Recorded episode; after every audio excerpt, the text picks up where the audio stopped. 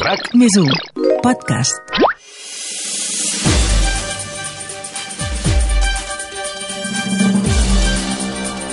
RAC més 1 us ofereix 14F amb Adrià Santa Susani, la guia pràctica per les eleccions del 14 de febrer amb el suport de la Generalitat de Catalunya. Què tal, com esteu? Catalunya ha tingut 131 presidents de la Generalitat. Des del primer que marca la història, Berenguer de Cruïlles, el 1359, fins Quim Torra, aquest 2020. 131 persones que han tingut el màxim rang polític institucional de Catalunya. La majoria venen d'una tradició política, de militar des de ben joves dins d'un partit o fortament lligats a l'activisme del país. De fet, moltes persones s'han presentat com a candidates a la presidència.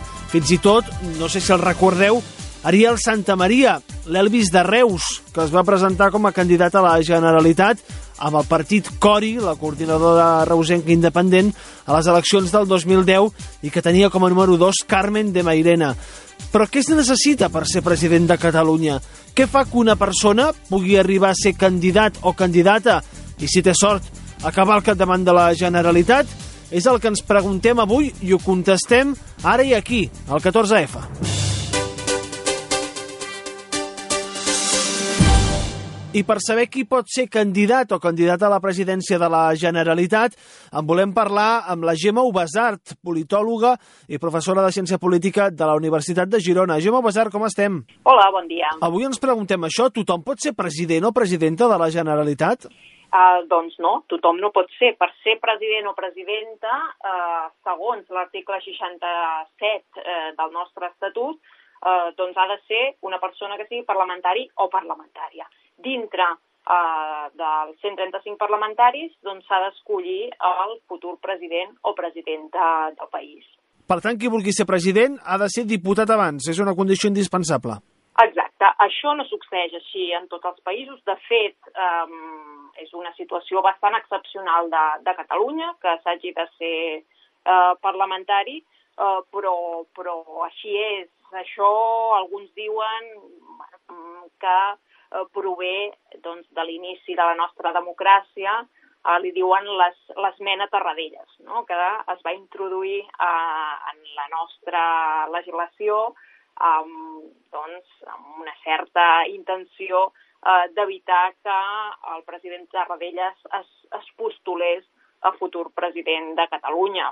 El cert és que en aquests moments doncs, eh, eh, l'article, això que us deia, 67 eh, punt 2 eh, ens diu que ha de, ser, eh, ha de ser parlamentari. Aviam, una persona que ara vulgui presentar la seva candidatura, què hauria de fer?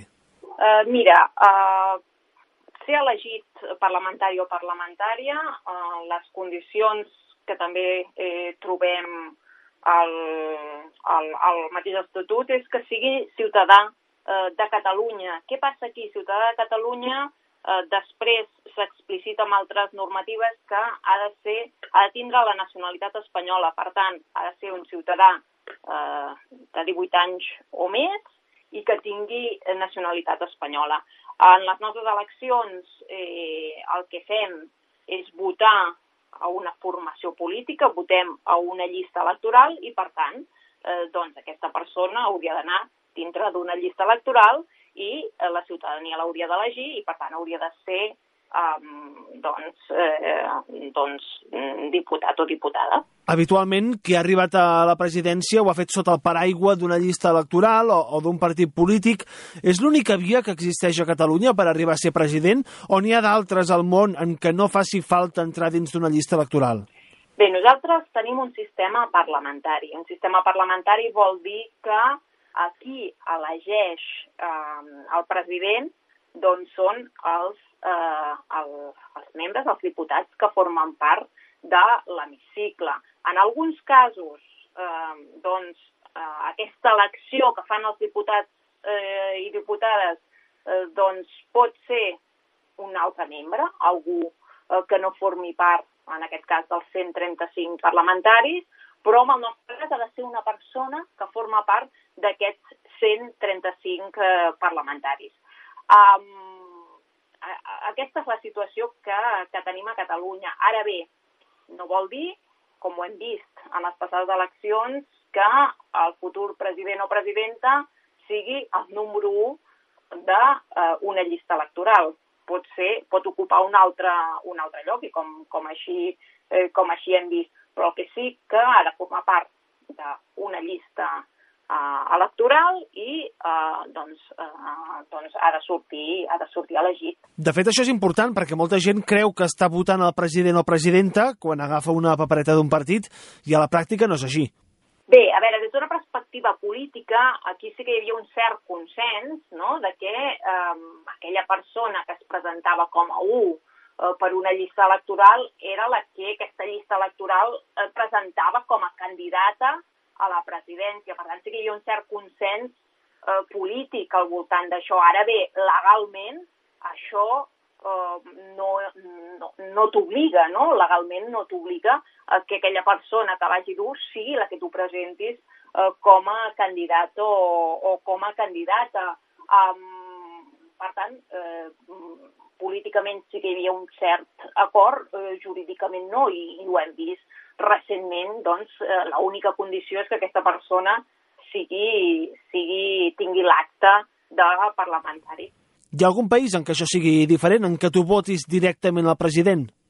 Bé, um, tenim dos tipus de, de, de sistemes polítics. Eh? Tenim els sistemes parlamentaris i els sistemes presidencials. Els sistemes parlamentaris, eh, nosaltres el que fem és votem a unes llistes electorals i aquestes, eh, aquests, aquests partits el que fan és, eh, bueno, mm, elegeixen, doncs, o s'elegeixen els, eh, les persones, els escons que s'aconsegueixen amb, amb, que formen part eh, d'aquest eh, grup polític. Aquestes persones que s'elegeixen són les que posteriorment escolliran el president o presidenta. Així funciona un sistema parlamentari. Un sistema presidencial eh, el que fa és eh, separa el que és el legislatiu, el Parlament, del que és la presidència. I el president se l'elegeix eh, directament eh, per sufragi universal eh, i alhora doncs, la ciutadania doncs, elegeix amb una altra urna, elegeix els membres del legislatiu, per tant, elegeix els parlamentaris. Això és un sistema presidencial. Eh, la majoria de països europeus tenen un sistema parlamentari, com el nostre. La majoria de països americans, des del nord fins al sud, tenen sistemes eh, presidencials. Mm? Per tant, la nostra tradició és una tradició eh, parlamentària en la que eh, nosaltres eh, votem els eh, parlamentaris i són aquests els que després elegeixen el, el, el president o la presidenta. Per tant, a la majoria de països europeus eh, se segueix aquest sistema, votar un Parlament i que siguin els diputats i diputades els que designin qui és el president. Exacte. El que ens diferencia a nosaltres de la majoria de països, o de molts països, eh, en aquest cas de molts països europeus, és l'especificitat que eh, s'hagi d'elegir un parlamentari o parlamentària com a president. Aquesta sí que és una especificitat bastant, eh, bastant pròpia. És a dir, que dins d'aquest sistema sí que hi ha altres països en què el president doncs, no fa falta que sigui diputat, com a Catalunya. Exacte, sí, sí, aquesta possibilitat hi és a, a, a molts països. Avui ens estem preguntant qui pot ser president o presidenta de Catalunya. Parlem de dificultats. Amb quins problemes es trobarà algú que vulgui presentar la seva candidatura? Persona a títol individual difícilment en el nostre sistema polític eh, podrà aspirar a ser president. Mm, com, com et deia, no? la, la, la, la nostra forma d'organitzar-nos políticament és a través de grups polítics. Val? A les eleccions es poden presentar partits polítics, però també hi ha la possibilitat d'agrupacions d'electors, per tant hi ha eh, una via que seria, diríem, més ciutadanista, no? per tant, ja la via eh, de fer-ho a través d'un partit polític eh, no és la única, però sí que aquesta, aquest grup, sigui partit o sigui eh, agrupació electoral, és a qui nosaltres votem. En el nostre cas és una llista mm, doncs, tancada, que és la que ha decidit el grup polític. Nosaltres eh, no votem a persones, nosaltres votem a llistes electorals. Mm? I després, en aquestes llistes electorals, nosaltres, doncs, cada llista electoral aconsegueix els escons que aconsegueixi i són els primers d'aquesta eh, llista eh, doncs, que ha elaborat el, el, el grup polític. Per tant, si algú vol ser president o presidenta de la Generalitat, ha d'entrar dins d'un partit i intentar fer carrera. Bueno, hi ha l'opció mm, a través de partit polític, que és la més comú en eh, política, diríem, d'abast supralocal, però a nivell municipal trobem moltes experiències d'agrupacions d'electors, que són ciutadans i ciutadanes que s'uneixen per, eh, per doncs, crear una llista, una llista electoral. Per tant, aquesta possibilitat eh, també hi seria.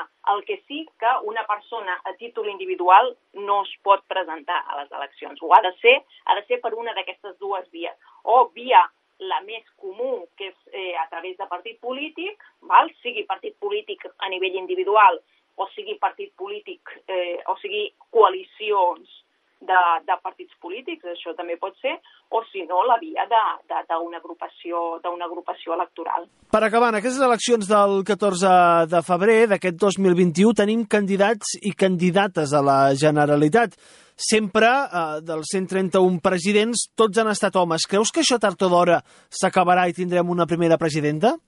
Seria hora que, que, que, que per fi no, eh, doncs una dona pogués accedir a, a la presidència de, de, de la Generalitat, no? com així ha succeït en molts altres països. Um, veient uh, uh, el cap de llista que han situat la majoria de partits polítics, doncs, continuen sent eh, masculins. Aquí tenim una paradoxa. Des del 2007 tenim eh, l'obligació, eh, per llei, s'introdueix a la llei l'obligació eh, de que les llistes siguin paritàries, per tant, 40-60 eh, màxim, per tant, paritàries en qüestions de, de gènere. Ara bé, als llocs, als primers llocs um, i uh, aquells, uh, aquells lideratges uh, en gran part continuen, continuen sent, sent masculins. S'ha avançat molt, certament, uh, els, els nostres parlaments són molt més feminitzats, uh, però encara queden reptes a fer, i ho veiem, en que la majoria de caps de llista són homes, uh, i que a Catalunya encara mai hem tingut una presidenta dona. Doncs Gemma Basart, politòloga i professora de Ciència Política de la Universitat de Girona, moltes gràcies i fins la propera. A vosaltres.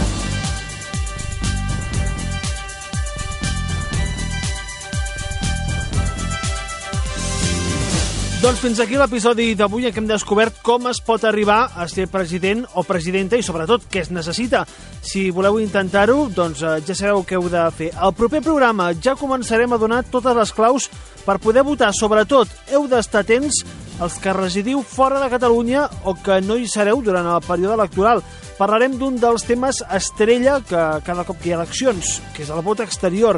Què s'ha de fer per poder votar? Per què costa tant que els catalans i les catalanes que no resideixen a Catalunya puguin votar? Doncs ho intentarem descobrir al proper episodi de 14F. Gràcies i salut.